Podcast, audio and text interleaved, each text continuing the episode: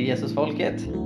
En podd om när Guds rike möter världen. Mitt namn är Mikael Grenholm Mitt namn är Sara Grenholm. och idag har jag varit i Stockholm och varit med på en presskonferens om konvertitutredningen.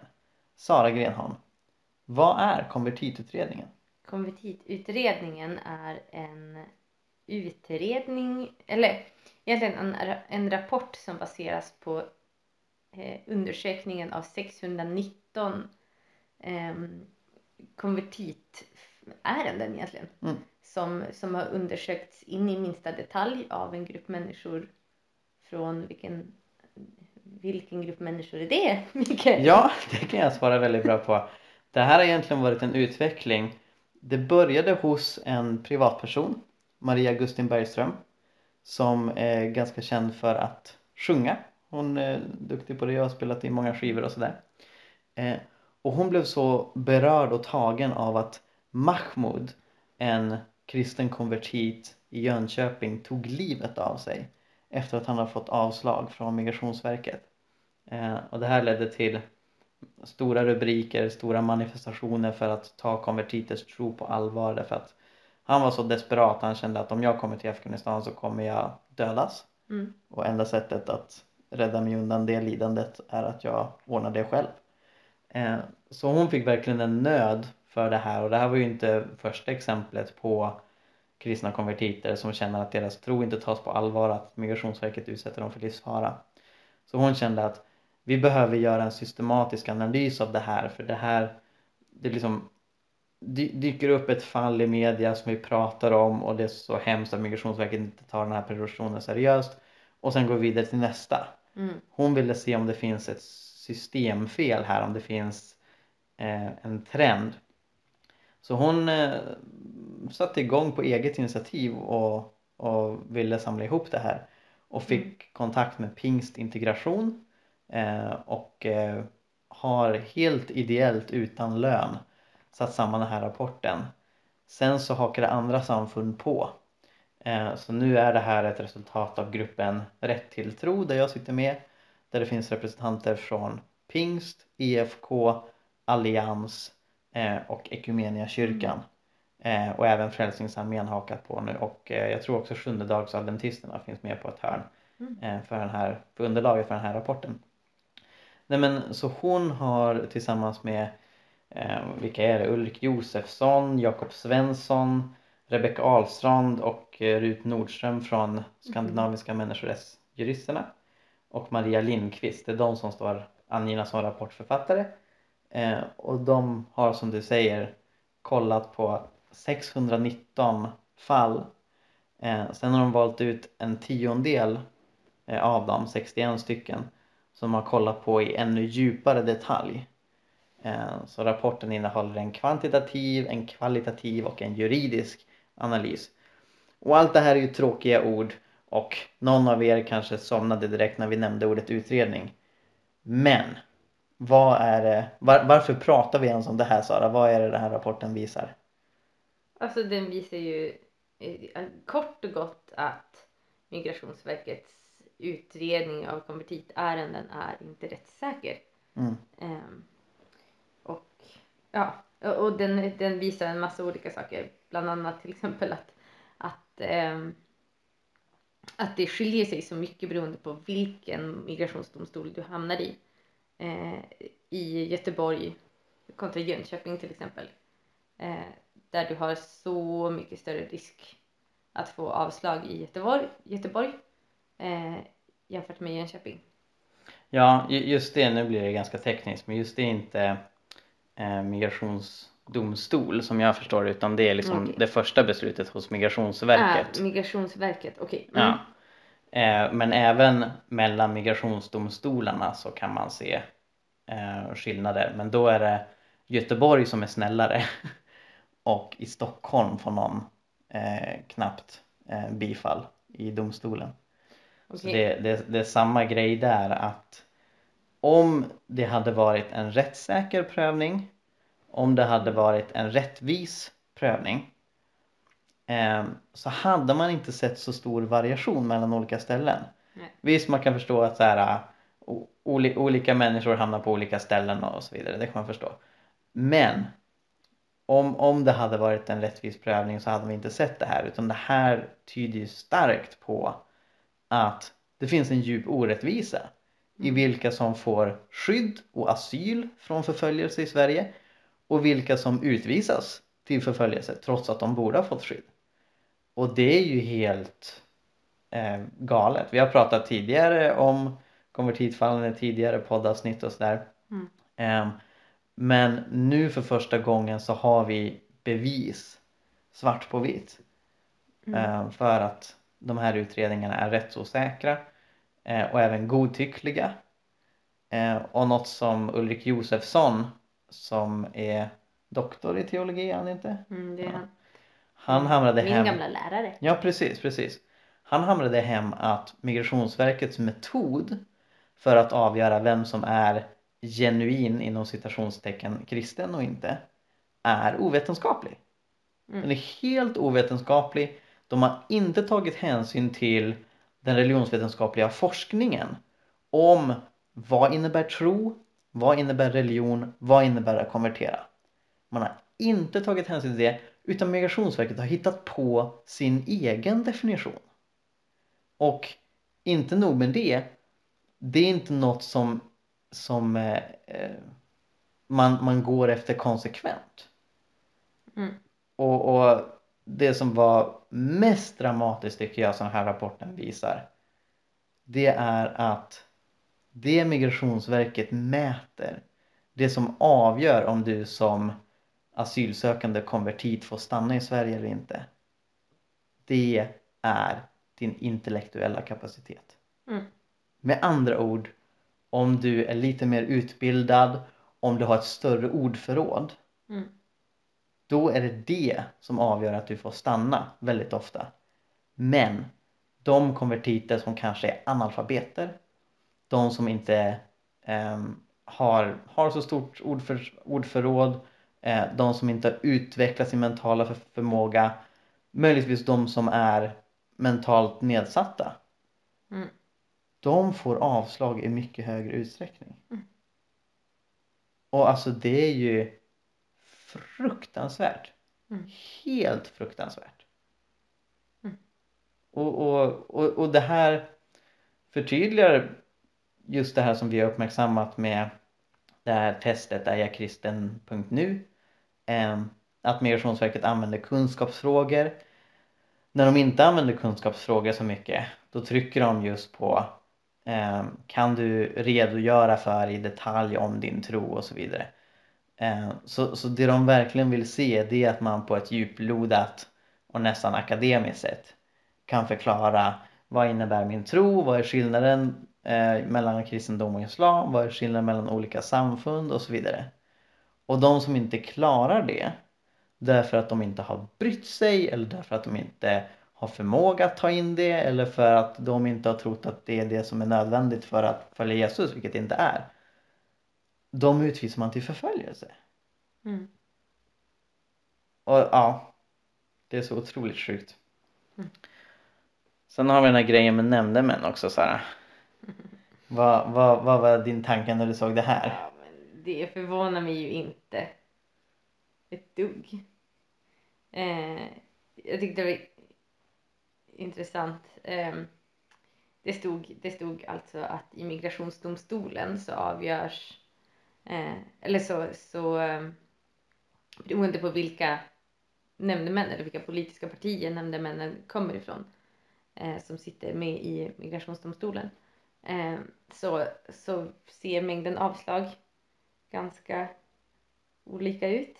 Exempelvis så 93 procent av alla nämnd, alltså av alla beslut fattade av nämndemän från Sverigedemokraterna. 90, 93 procent ger avslag. Mm. Medan om man jämför det med Vänsterpartiet, eh, nämndemän från, från Vänsterpartiet, så, så var det bara fem, 15 procent Exakt, avslag.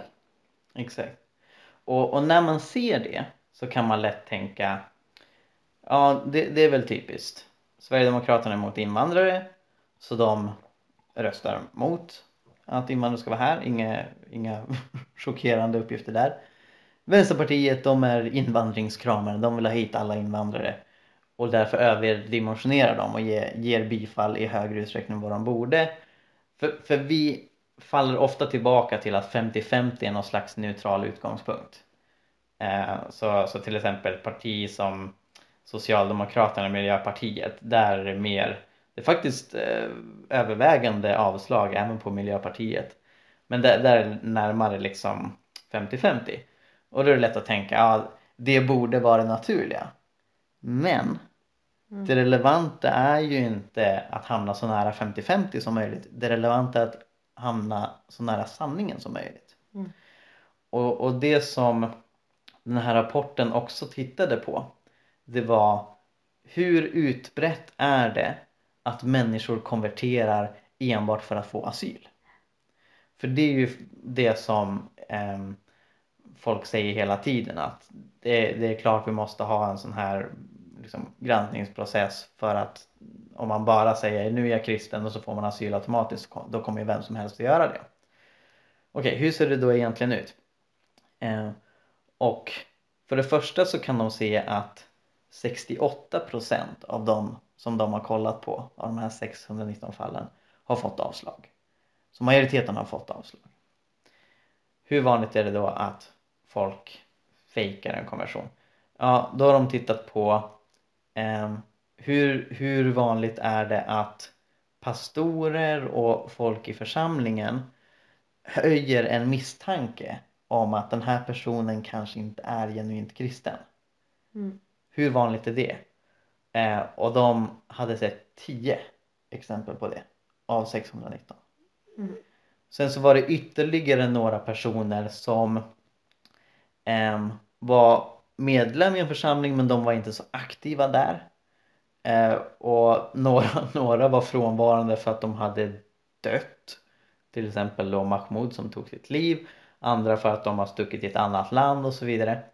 Eh, och, och, när Maria Gustin Bergström presenterade på presskonferensen så sa hon att vi, vi säger inte att de här har fejkat sin konvention men de, de finns uppe för diskussionen. Kan, alltså, här kan man kanske misstänka skäl att någon liksom har sökt eller har konverterat enbart för att få asyl och så när det inte funkar så måste du kunna annanstans. Möjligtvis kan det vara så. Men fortfarande så om man även inkluderar dessa där det är ganska stora frågetecken där man verkligen inte kan säga definitivt att människor enbart har konverterat för att få asyl så kommer man enbart upp i 11 procent. Så när vänsterpartistiska nämnde män eh, ger avslag till enbart 15 procent så är inte det så mycket högre än vad man utifrån den här undersökningen kan misstänka att folk inte är genuina konvertiter.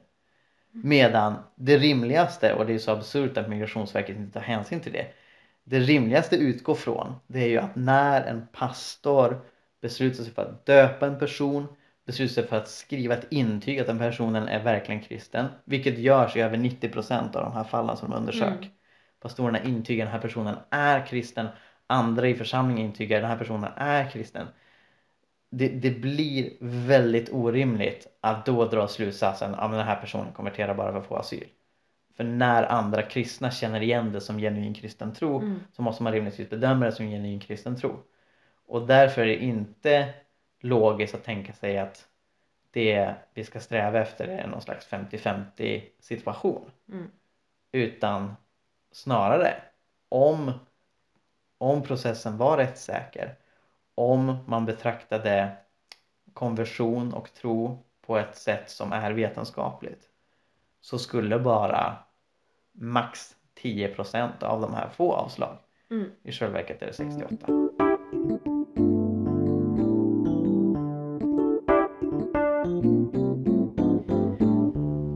Tyvärr Sara så var det väldigt få medier som var på eh, den här konferensen. Ehm, jag tror det bara var kristna medier faktiskt. Och det är det som är så tråkigt och jag har stött på det här om och om igen. Ehm, ända sedan jag gjorde det här testet och har varit aktiv i den här offentliga debatten. Det här betraktas ofta som en intern kristen fråga. Mm. När vi lyfter att hallå, det är dumt att Sverige utvisar kristna till förföljelse och död. Så är inte det något som griper tag i människor. Det är inte något som väcker så mycket empati tycker jag. Mm. Rent krasst. Och nu vet jag att media inte går enbart efter empati utan har massa andra parametrar. Eh, men det är liksom inte något som drabbar tag i så många som inte är kristna. Mm. Eh, och det tycker jag är så fruktansvärt sorgligt och Mm. väldigt hemskt. Ehm, jag tror till exempel att vi får ännu större framgång i att lyfta den här frågan om vi krokar arm i till exempel humanisterna och driver konvertiters rätt till tro samtidigt som vi också driver ateisters rätt till icke-tro. De är inte lika många men det finns före detta muslimer som har blivit ateister och som hamnar i samma situation Migrationsverket vill att de ska bevisa att de är ateister, de tror inte på dem, de utvisar ateister till länder där ateister dödas. Det, det tror jag är faktiskt vägen framåt om det fortfarande inte blir någon politisk förändring. Eh, sen hoppas jag att det blir det. Nu har Gustav Fridolin eh, gått ut och sagt att regeringen ska ta tag i det här, vilket Mm. är jättebra. Mm. Men, ja, men vad, vad, vad tänker du Sara? Vad, hur, kan vi, hur kan vi pusha det här mer och hur kan vi få folk att känna mer medlidande med kristna? Ja, det är en väldigt bra fråga. Nej, men jag tänker att eh, vi behöver fortsätta att ge opinion och jag tänker att vi behöver fortsätta att organisera oss. Um, och att faktiskt så här, höja vår röst för de här människorna. Men uh, ja. Eh, Nej, men, och sen så tänker jag också så här att vi behöver kunna kommunicera det till sekulära medier på ett sätt som får dem att tro att det här är en skandal, vilket det är. Ja, Eh, alltså, För att det är ju, alltså media som det ser ut idag är ju skandalsökande bara. Eh, och allt annat är ointressant. ja men inte bara det. Jag, bl- jag blev så besviken när jag såg hur Sveriges Radio rapporterade om konvertitutredningen. De hade fått rätt till ehm, rapporten exklusivt i förhand. Mm. I princip ingen fick rapporten innan idag förutom Sveriges Radio. Men istället för att gå ut först med den här nyheten och sätta andan så valde de att vänta till sent på eftermiddagen. Eh, och deras motivering var att vi vill prata med Migrationsverket först, vilket man kan förstå. Men sen när de släpper sin nyhet i Ekot så är det som om de inte tar rapporten på allvar. Mm. Det de framställer det som är att här står ord mot ord. Så Migrationsverket säger att de vi utvisar är inte genuina konvertiter och kyrkorna säger att det är det. Ord mot ord. Och nej, det utredningen ger är bevis för att Migrationsverket har fel. Den ger bevis för att processen är rättsosäker och godtycklig och ovetenskaplig. Det är inte ord mot ord situation. Det är en skandal. Mm. Men de tonar verkligen ner det och tar ganska mycket Migrationsverket i försvar. Eh, och jag sa att de ville invänta vad Migrationsverket själva säger. Mm. Det Migrationsverket faktiskt säger i artikeln och reportaget är vi kommenterar inte det här. Så det var ju en lyckad väntan. Men där är det inte att de blåser upp det till en skandal utan där så vill de inte rapportera att det är en skandal utan alltså spär ut det på ett helt obegripligt sätt. Mm. Och jag fattar inte varför. Men det är inte första gången alltså eh, nu, nu när jag blev lite av en kändis i och med det här testet så var det vissa som skrev om mig att ja Mikael är ju pastor och man kan ju misstänka att de frågorna som han använder de har han hittat på själv eller alltså frågorna som kommer från Migrationsverket eller att han har tagit de absolut värsta som tänkas kan och sådär.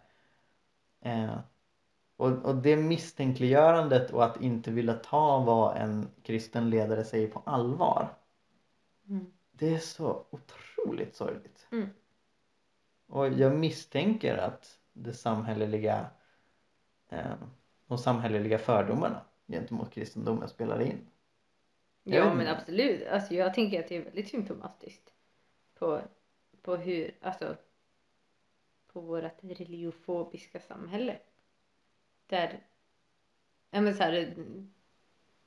Där man misstänker varenda pastor för att vara sektledare. Och.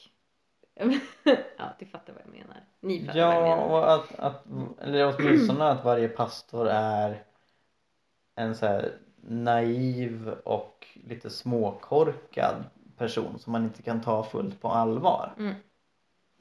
Okej, vad då att en pastor intygar att en person är kristen? Det är klart att jag vet bättre, jag som är ateist. Eller jag vet inte om, om folk resonerar så, men det känns... Ja, det är otroligt sorgligt. Mm. Men en rolig sak Sara, Mm.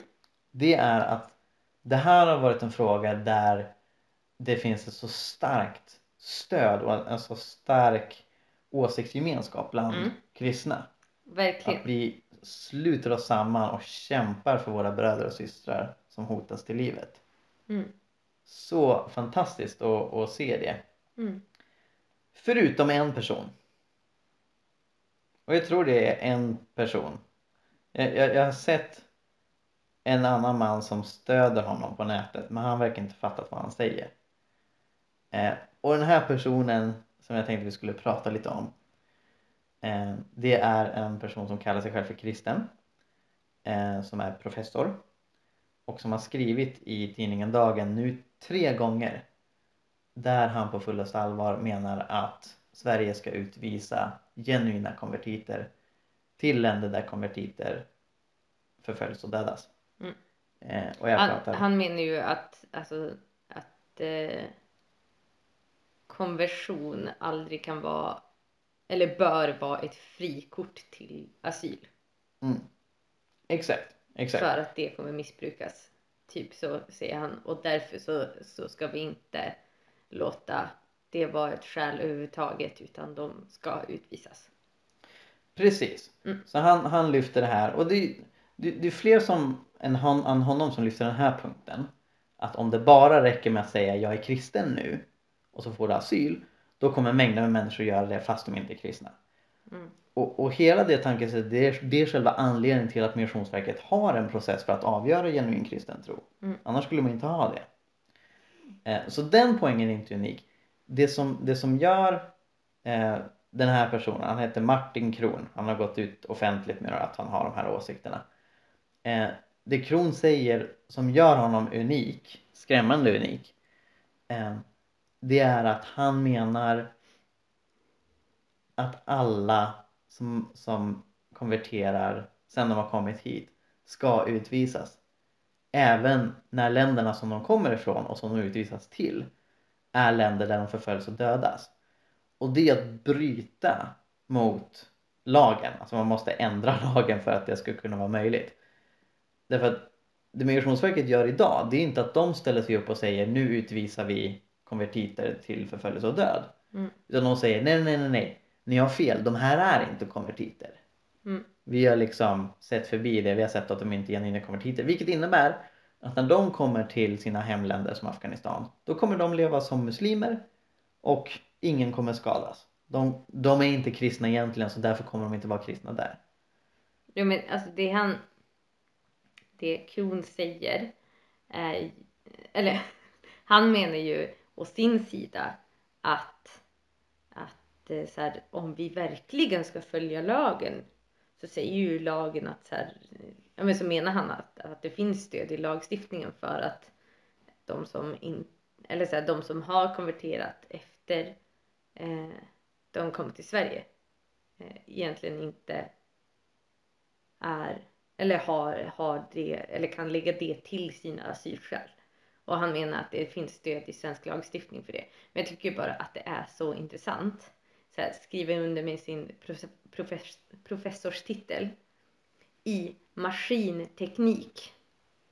Han är alltså professor i maskinteknik och inget ont om maskintekniker eller ingenjörer eh, men det är inte samma tyngd i den professorstiteln som om han vore professor i juridik eller pro- professor i, i statsvetenskap. exempelvis. Mm. Eh, när det kommer till den här frågan. Eh, sen så, alltså det, det är som att det är som att en professor i statsvetenskap skulle kommentera eh, den, den nya, nya uppfinningen för traktormotorer. Och skriva Ja, under med bara professor i statsvetenskap. Och förvänta sig att det ska vara, eller, eller så här, att, att folk liksom ger det samma tyngd.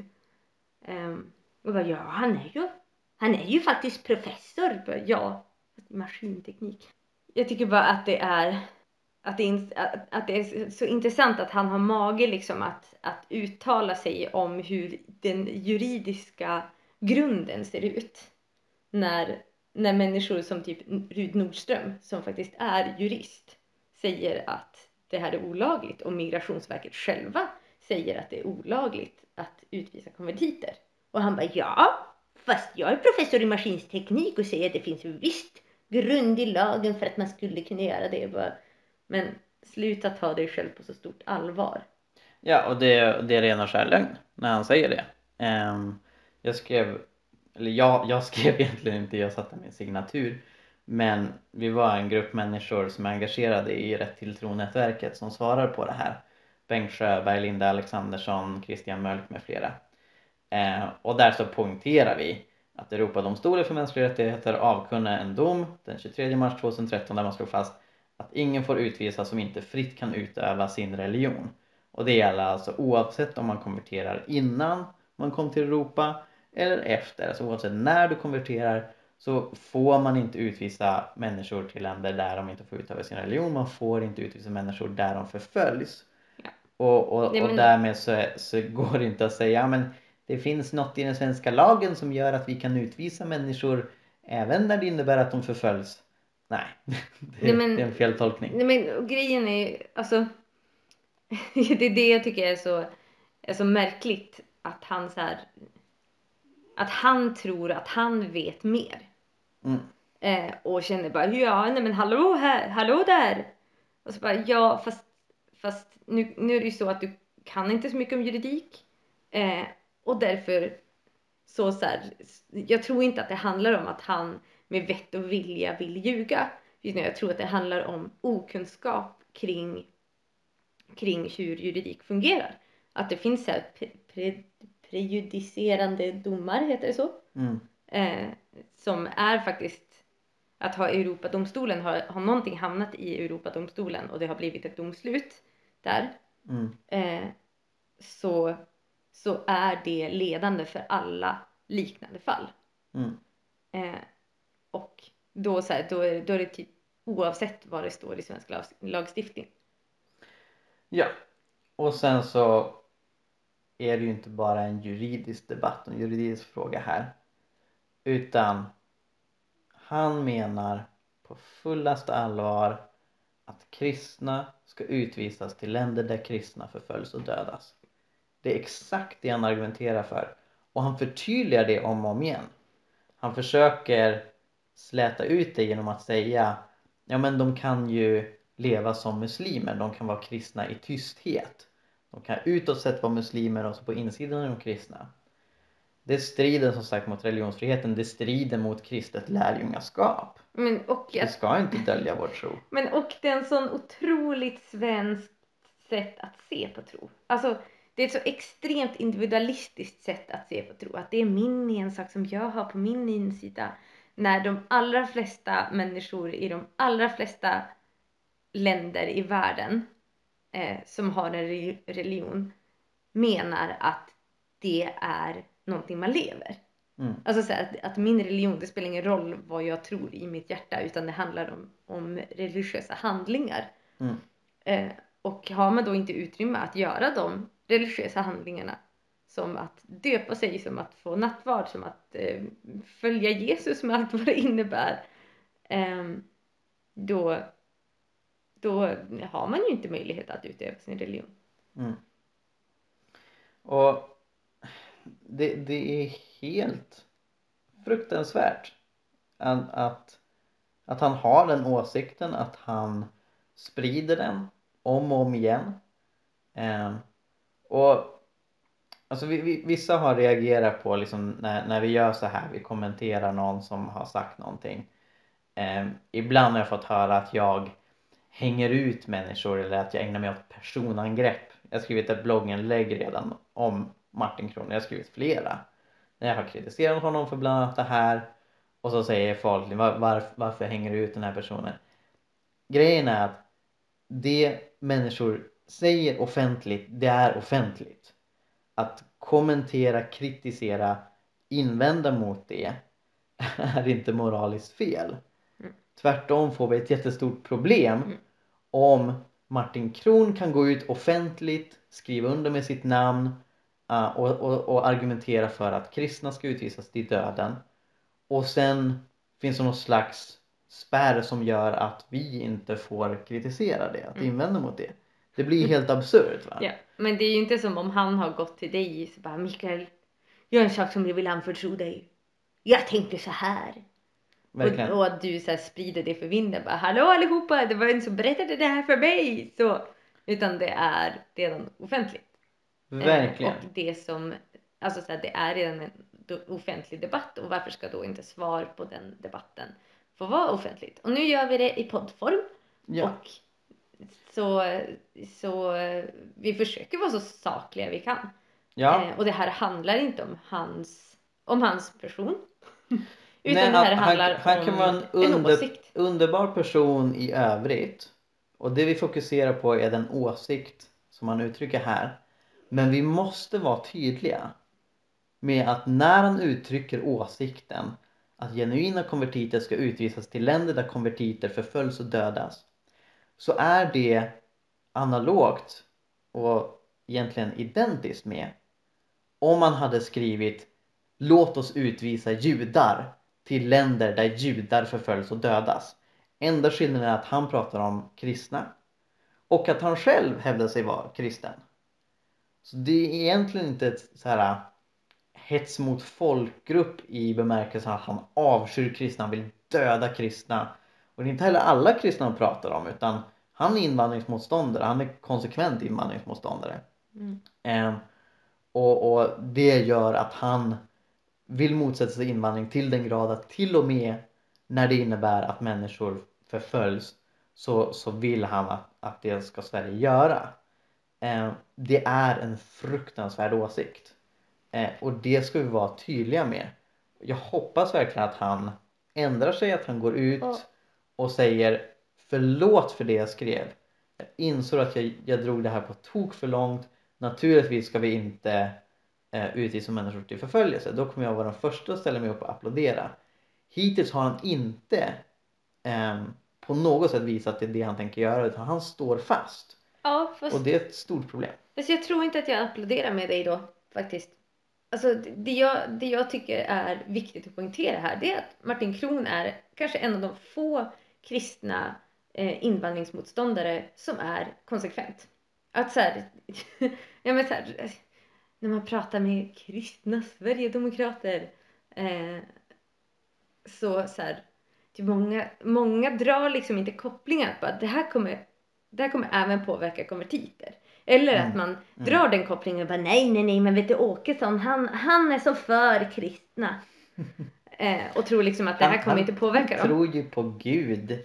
Ja, nej men, nej men och, och så här. Någonstans, alltså något som jag har väldigt, väldigt lite respekt för generellt, det är när man är inkonsekvent. Eh, att jag har mer respekt för ett vidrigt resonemang som är konsekvent än för ett lite mindre vidrigt resonemang som inte är konsekvent. För att grejen är att det han ger uttryck för är ju hur kristet invandringsmotstånd ser ut egentligen. Alltså för att, för att du kan inte alltså så, du kan inte vara emot eh, emot invandring. Du kan inte vara emot invandring och samtidigt mena att inga kristna konvertiter ska utvisas för att det är liksom en konsekvens av den, migra- alltså den migrationslag som man vill införa. Eh, och då har jag mer respekt på ett sätt för Martin Kron som faktiskt bara ja, det här kommer det innebära och jag köper det. Jag tycker det är helt vidrigt. Helt fruktansvärt vidrigt. Men om han steppar tillbaka på den grejen så, så tycker jag bara att det är fegt. Alltså jag önskar, jag, jag vill att han ska sluta vara invandringsmotståndare, punkt. Det, det, det tycker jag är Det mer. vill jag också. Men, och jag förstår verkligen din poäng och håller med om att han är en ovanligt konsekvent invandringsmotståndare Ja, men på den här och, punkten. och, så här, och jag tycker också att, att det kristna som är invandringsmotståndare men inte håller med honom behöver verkligen ta sig en funderare. För att det här är konsekvenserna av den ideologin.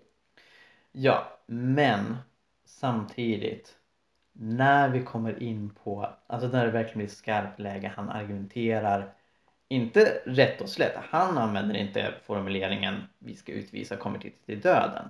Men resultatet av hans resonemang att vi aldrig ska bevilja asyl till människor som har konverterat sedan de kom hit innebär ju att Sverige ska utvisa konvertiter till döden. Så jag bara fyller i den logiska slutledningen av det han säger. Mm. Och det är en så fullständigt vidrig åsikt att jag hellre, jag har hellre en värld med inkonsekventa nazister som inte säger låt oss förinta judarna än konsekventa nazister som säger förin, låt oss förinta judarna. Och på samma sätt, jag har otroligt svårt för att hans texter trycks. Jag har otroligt svårt för att de här idéerna sprids. Och vi kan inte hindra att de sprids i ett demokratiskt samhälle och som sagt det faller inte under hets mot folkgrupp skulle jag tro eh, inte minst för att han själv räknar sig som kristen eh, och för att han inte för liksom ett eh, hatbrottsresonemang om att de här människorna är vidriga och ska förintas från jordens yta men det är fortfarande en, en så, så extremt ondskefull, rent ut sagt ondskefull åsikt att ha. Mm. Att, att jag tycker att här går det en gräns. Eh, han får vara hur konsekvent som han vill men det är fortfarande så fruktansvärt obehagligt att ja, jag kommer verkligen bli glad om man tar tillbaka det här. Fast jag vet inte om jag, jag vet inte om jag blir det fortfarande. Nej, du, du Även- behöver inte bli det. Jo, jag men, jag kommer inte tvinga dig att bli får jag säga en sak till? Ja. Alltså jag tycker att det är precis lika vidrigt att mena att muslimer ska göra det. ja, Alltså så här, Nej, att, att överhuvudtaget, naturligtvis. alltså överhuvudtaget eh, utvisa folk till krigsdrabbade, eller så här, till, till områden i världen där du löper väldigt stor risk att dö eller bli sexslav eller att bli ehm, torterad eller att, alltså eh, oavsett Ja, oavsett vad ditt asylskäl, asylskäl är så tycker jag det är helt, helt skandalöst att ha en migrationslagstiftning som, som tillåter något sånt här. Ja, men Eh, där har och- du verkligen helt Och, där, och det är det jag menar, alltså Ja. så att, att, att man kan inte ha det ena utan att ha det andra. Mm. Alltså så här att, att jag tycker att det är, jag, jag kommer inte, eller okej, det är några färre då som kommer att utvisas till döden. Men jag kommer fortfarande stå och vara riktigt förbannad Mm. på, på den här typen av åsikter så länge, det, så länge man utvisar, utvisar muslimer till IS-områden exempelvis. Mm.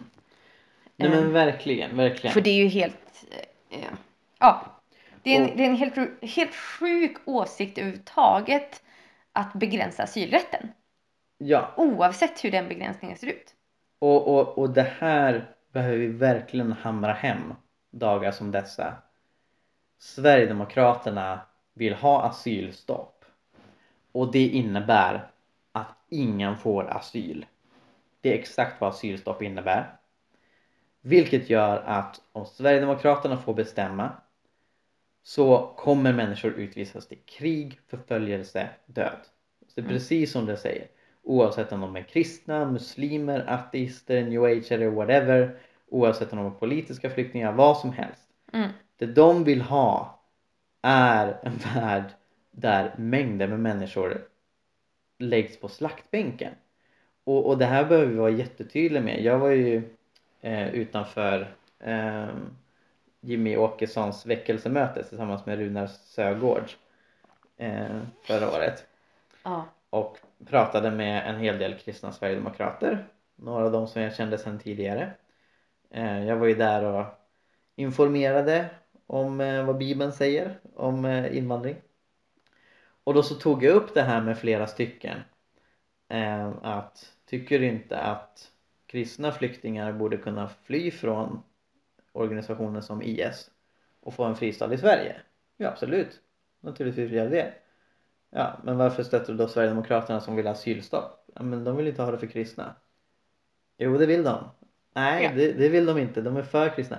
Så där fanns det verkligen en naivitet och en ignorans över att SD är emot all invandring, även av kristna. De vill inte ha Mm. En enda icke-vit här va. Det är Mm. det de driver. Mm. Eh, och och det, det är det som är så enormt frustrerande. Och på det sättet, Martin Kron, han har inte gått ut och sagt jag är sverigedemokrat. Han har skrivit debattartiklar tidigare om därför kan kristna vara sverigedemokrater och SD är inte så hemska. Så jag skulle tro att han sympatiserar med dem. Eh, och i vilket fall som helst i den här frågan så är han ju i linje med dem. Därför att hans vision om att vi ska utvisa konvertiter till länder där konvertiter dödas är ju helt i enlighet med ett asylstopp där ingen Mm. får asyl. Mm. Eh, men det är så otroligt vidrigt och som du är inne på Sara, det uppenbarar hur vidrig den främlingsfientliga rörelsen i allmänhet är. Ja. Inte bara när det gäller konvertiter utan det är verkligen en rörelse som drivs av övertygelsen att Sverige, ett av världens rikaste länder, har kapacitetsbrist eller att vi på grund av vår kultur och, och vår bla bla bla inte ska ta emot invandrare. Så för att nå den visionen så utvisar man människor till döden. Det är det det handlar om. Mm. Och på den här punkten så kan vi inte vackla som kristna. Som Mm. Jesu lärjungar så kan vi aldrig acceptera att en värld där människor tvingas in i livsfarliga situationer är en bra värld. Mm. Absolut inte. Mm. Och i synnerhet inte när vi bor i ett rikt land som har resurser att ta emot Mm. människor. Exakt. Nej, men, och, och jag tycker också att det är så intressant med eh, just den här synen på invandring att det är ju inte arbetskraftsinvandring exempelvis från Polen som, som Sverigedemokraterna vill stoppa. Inte på Mm. något sätt. Utan det är ju någonting som de så här, vill typ främja. eh, utan det är ju det är ju just människor som söker asyl. Och asyl söker man av det enda skälet att det är livsfarligt för mig att vara kvar i mitt land. Mm. Eh, och att, ja, då, och det är ju det är precis det som det handlar om, att, att utvisa människor till döden när man tar bort möjligheten att få, eller att ge människor asyl i Sverige. Ja men verkligen. Eh, men, men jag tänker så här, eh, att, att Martin Kron, han, han är en, nu vet inte jag om han är Sverige, Sverigedemokrat, men han eh, är i alla fall konsekvent eh, med deras ideologi. Det, det, jag hoppas att det här verkligen ger kristna sverigedemokrater en tankeställare. Att, att så här, ja, men om, jag, om jag faktiskt inte håller med honom om det här resonemanget så, Verkligen. så eh, behöver jag verkligen ta mig en funderare på eh, om det här är en ideologi jag faktiskt köper. För att han är Verkligen. konsekvent gentemot den Verkligen. ideologin och, ha, och tyck, han tycker ju uppenbarligen att det är fullt vettigt. Ja. Eh, men tyck, eller så här, det går inte att köpa halva ideologin när det kommer till det här. men för att det får sådana SD ödesdigra, SD har varit ödesdigra tydliga konsekvenser. SD har varit tydliga ända sedan de, de bildades av nynazister eh, i slutet av 80-talet. De vill stoppa icke-västerländsk invandring. Det är Mm. därför de finns till. Det är hela tiden det de driver för. De har inte vikt sig en tum på det. De har, de har modifierat retoriken och, och ändrat argumenten. Men de, De har skaffat sig tiden, kostym. de har skaffat sig kostym istället för eh, stövlar. Men det de hela tiden har drivit är att stoppa icke-västlig, det vill säga icke-vit invandring till Sverige. Det, det är därför de finns till. Och det är precis som du säger. Jag tror inte vi har jättemånga sverigedemokratiska lyssnare. Men om du är en sverigedemokratisk lyssnare eller om du har fått den här podden tillskickad eh, till dig eh, så, så vill vi verkligen säga det. Om du tycker det är hemskt att kristna konvertiter utvisas till förföljelse som konvertitutredningen visar. Om du tycker att Martin Kron har fel när han säger att Sverige ska utvisa våra kristna bröder och systrar till döden. Spring ifrån Sverigedemokraterna. Nu! För att de går ut precis på det. Det är exakt vad de tänker genomdriva. Inte i framtiden. De vill ha ett asylstopp nu. De gick till val på ett asylstopp. De gick till val på att förbjuda invandring av kristna konvertiter från Mellanöstern. De vill förbjuda det, de vill utvisa rubbet, allihop. Asylstopp, det är vad de drivs av. Så, så, så är det definitivt. Och det är så hemskt att se även andra partier som försöker locka SDs väljare och går i deras riktning.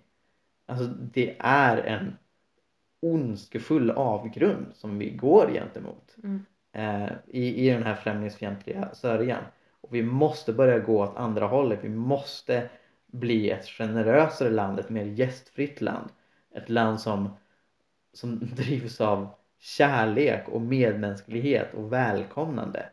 Istället för den här horribla främlingsfientliga ideologin som leder till människors död. Mm. Ja, verkligen. Men eh, får jag ge en liten feministisk reflektion? Ja men givetvis, givetvis. Eh, men jag tänker också så här att eh, ta, alltså det är bara ett faktum att tar Sverige inte emot ganska många invandrare de kommande åren också så är vi i situation Japan. Japp. Eh, Och vad är situation Japan? Situation Japan är att, vad är det man säger, om 50 år, om 100 år? Jag vet inte vad man säger. Ja, ja, hur som helst. Eh, Japans, eh, Japan har en minskande befolkningstillväxt. Som statistiskt sett inte finns kvar om hundra år eller vadå? Nej, inte kanske inte hundra år. Jag minns inte riktigt, jag minns inte vilket år det är. Men, men eh, ja, det är Om i alla fall. fortsätter. Om trenden fortsätter och, och Japan inte gör någonting åt det så, så, eh, så föds den sista japanen om inte så många generationer framåt. Vad Spännande. Ja. Ja. Eh, och samma sak kommer att hända Sverige om vi inte tar in fler eller om vi inte fortsätter ta in invandrare för att Sverige har eh, en min, alltså så här, om man bara tänker liksom eh, alltså nu är det ju jag hatar att prata om det men etniskt svenska nej men om man bara tänker på vita människor i Sverige så föds det väldigt få barn i förhållande till mängden eh, kvinnor. Eh, som gör att vi faktiskt också har en lika minskande befolkningstillväxt som Japan. Eh, och det, det som räddar oss ur den här situationen är ju att vi, att vi har haft i alla fall en ganska öppen invandringspolitik. Eh, och det vi också kan, alltså det är inte många år framåt som den, som den krisen ligger om vi slutar, om vi, eller så här, om vi fortsätter ha våra stängda gränser. Eh, att, och när, när, eh, nu ska vi se, när 50 och 60-talisterna går i pension, vilket är väldigt snart. Många 50-talister går ju redan i pension. Men när de liksom så 60-talet och typ början av 70-talet, det är en, det, då föddes det väldigt många barn i Sverige. Eh, vilket, vilket gör att vi kommer att få, en, få helt extrema glapp i arbetsmarknaden. Om, det inte, om vi inte så här får in människor från andra länder som kan utbilda sig i det svenska systemet, som kan eh, fylla de glappen och om det inte föds fler svenska barn så kommer vi ha extrema problem inom en 20-30 års period. Eh, och, eh, och det för mig till den feministiska analysen. Eh, nu har ju både Norges och Finlands statsminister har gått ut med uppmaningen till kvinnorna i sitt folk att föda fler barn. Även Polen, eh, Polens eh, president, president, visst är han det? Det säger han säkert. Ja. Eh, han, han uppmanade polska befolkningen att föröka sig som kaniner. Tack! Det, det vill han inte i bokstavlig bemärkelse. Nej. Det är väl ingen. Ja. Nej, men, nej men det är alltså det är en, en återkommande grej Mm. hos, eh, hos alla länder egentligen i västvärlden som inte tar emot flyktingar. Mm. Ehm, att, att vi har ett väldigt problem med att, med att det föds inte nog många barn. Och ska vi då stänga gränser så måste vi också ta ifrån eller göra någonting åt den reproduktiva viljan hos kvinnorna. Eh, vilket kommer innebära eh, stora förändringar eh, i vad det i våra möjligheter och rättigheter som kvinnor. Tror jag. Eh, att jag tror inte att det bara kommer att bli morot faktiskt. Om jag känner dessa partier rätt. Utan jag tror Ja, att verkligen det kommer bli mycket Verkligen piska. Och det är ju mycket därför som, som Sverigedemokraterna har varit så positiva till att begränsa aborträtten. Eh, rätten. Alltså det, ehm. det här är den primära anledningen. att det, det ska födas fler etniskt svenska barn. Eh, Ja. Och då måste vi ta bort ab- aborträtten. Eh, Det, det, är alltid anledningen Mm. till att rasistiska och främlingsfientliga partier är emot abort. Det är Mm. precis det här, att de ser det. Mm. Med minskad invandring behöver vi föda fler och, och då så motsätter vi oss abort vilket kommer göra att, att fler vita barn föds. Ehm, att abortmotståndet hos Sverigedemokraterna lockar frikyrkliga väljare det var förmodligen en överraskning för Sverigedemokraterna och inte något som de hade planerat. Mm. Så det är först på senare tid som man dessutom har tryckt på det för att locka kristna. Mm. Eh, men ur, ursprunget och den primära orsaken till att de ehm, vill sänka abortgränsen och förmodligen på sikt avskaffa abort i Sverige. Det är precis det här att Mm. de vill tvinga vita kvinnor att föda fler vita barn. Mm. Och det tycker jag är så fruktansvärt vidrigt.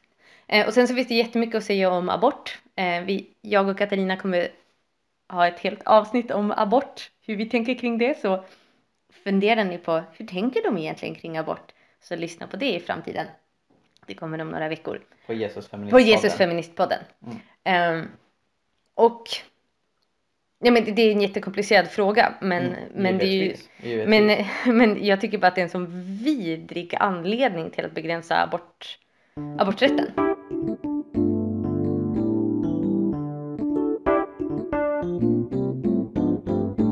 Det finns trots allt ett stark konsensus i kristenheten Mm. om att vi måste stå upp för våra bröder och systrar som är konvertiter.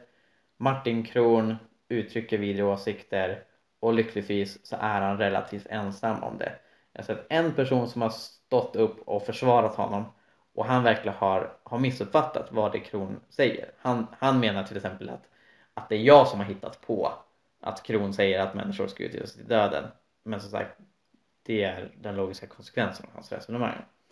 Eh, det är några som har tryckt jag håller med på, på dagens eh, opinionsundersökning på sin sida.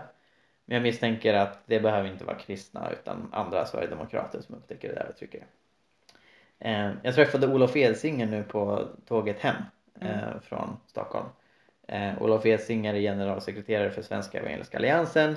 Han och jag har haft en del debatter om, om all, allt och inget, eh, bland annat eh, flyktingfrågan. Han har kritiserat Jesus också flykting för han tycker att jag har en alltför invandringsgenerös syn och jag tycker att han har alltför invandringsskeptisk syn.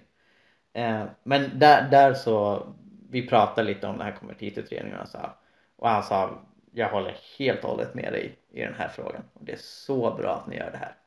Och det är verkligen så skönt att oavsett eh, vad man tycker om invandring i övrigt så bör vi alla, och då menar jag verkligen alla, vara överens om att människor ska inte utvisas till förföljelse och död. Ja, men vi bör alla hålla med varandra om det. Men man måste också kunna se att håller man med om det så, kom, så måste det få konsekvenser för hur du resonerar i flyk, flyktingfrågor i övrigt också. Ja. Ja men verkligen, verkligen. Eh, men som sagt, det är väldigt skönt att se ett så starkt engagemang i kyrkan kring det här och låt oss verkligen be och kämpa för att det blir en förändring. Att hinten som regeringen har gett nu om att de ska se över det här och säga åt Migrationsverket att, att garantera rättssäkerheten, att det leder till en riktig förändring. Att konvertitutredningens resultat verkligen eh, gör att, att eh, det inte längre utvisas människor till förföljelse. Så det ska vi be och kämpa för, eller hur Sara? Mm. Blev du distraherad av den söta katten nu? Ja, Jag har Helga på besök. ja Hel- Helga är här en vecka. Ka- Helga katt är är- här, vi är vet jag på. Katt, kattvakter. Åh, han är så luddig. Han är ja. luddig. Ja, strålande. Det var allt vad vi hade att säga om detta. Yes! Ja. Nej, det, det är det inte, men eh, vi, slut, vi avslutar så. Ja, absolut. Ja, tack så mycket Sara. Tack Mikael. Gud välsigne er som har lyssnat. Vi hörs nästa vecka. Hejdå! Adjö! Adjö!